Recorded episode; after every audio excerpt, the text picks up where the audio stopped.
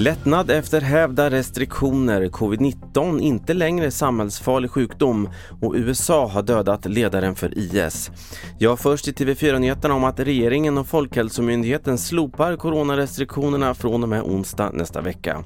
Det här har mötts med glädje och lättnad inte minst från kulturbranschen, men också blandade känslor. Vi hör skådespelaren Sara Sommerfeld. Publiken har ju skickats hem sedan i januari och biljetterna är tillbakaskickade så vi måste ju börja om.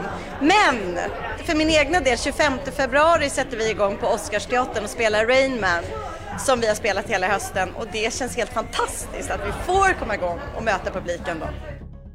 Dessutom meddelades att covid-19 inte längre behöver klassas som en samhällsfarlig sjukdom. Socialminister Lena Hallengren. Tack vare det nya läget vi befinner oss i så kommer Folkhälsomyndigheten idag att lämna in en hemställan till regeringen där myndigheten bedömer att klassningen bör upphöra men att covid-19 fortsatt bör vara anmälningspliktig.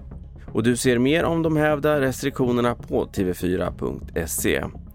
USAs president Joe Biden bekräftar att amerikansk militär dödat IS högste ledare Abu Ibrahim al-Hashimi al-Qurashi i en attack i nordvästra Syrien.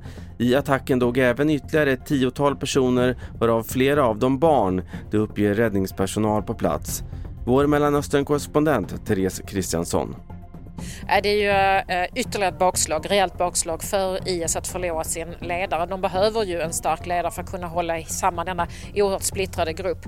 Äh, nu var han då i provinsen Idlib men det finns ju också många IS-anhängare runt om i världen och för att de ska hålla samman och ha samma ideologi och linje så måste de ha en ledare.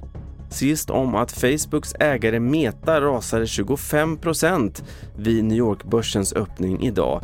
Det innebär att 1800 miljarder kronor av bolagets värde försvunnit. Färre användare och en oväntat svag prognos anses ligga bakom raset. TV4 Nyheterna, Carl-Oskar Alsen.